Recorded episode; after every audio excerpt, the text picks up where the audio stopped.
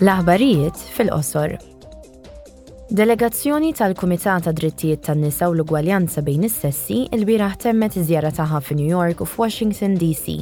Matul iż-żjara, l-membri tal-Parlament Ewropew parteċipaw fil-Kummissjoni tan-Nazzjonijiet Uniti dwar l-istatus tan-nisa. Din is-sena l-Kummissjoni ffukat fuq l-innovazzjoni, il-bidliet fit-teknoloġija u l-edukazzjoni fl-era diġitali.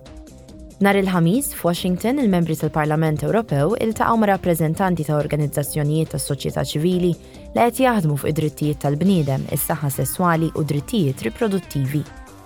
Flimkien ma' rappreżentanti tal-Gvern u membri tal-Parlament, huma ddiskutew il-moviment kontra d-drittijiet tan-nisa fl-Istati Uniti u fl-Ewropa, b'mod partikolari il-qerda ta' drittijiet għall-abort.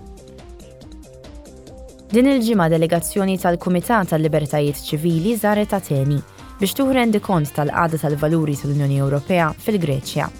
Iż-żjara kopriet firxa wiesgħa ta' suġġetti, inklużi l-libertà tal-midja u s-sigurtà tal-ġurnalisti, il-politiki tal-migrazzjoni, id-drittijiet tal-bniedem u t-trattament ugwali, is-softwer ta' spjunaġġ, l-istat tad-dritt u l-ġlieda kontra l-korruzzjoni.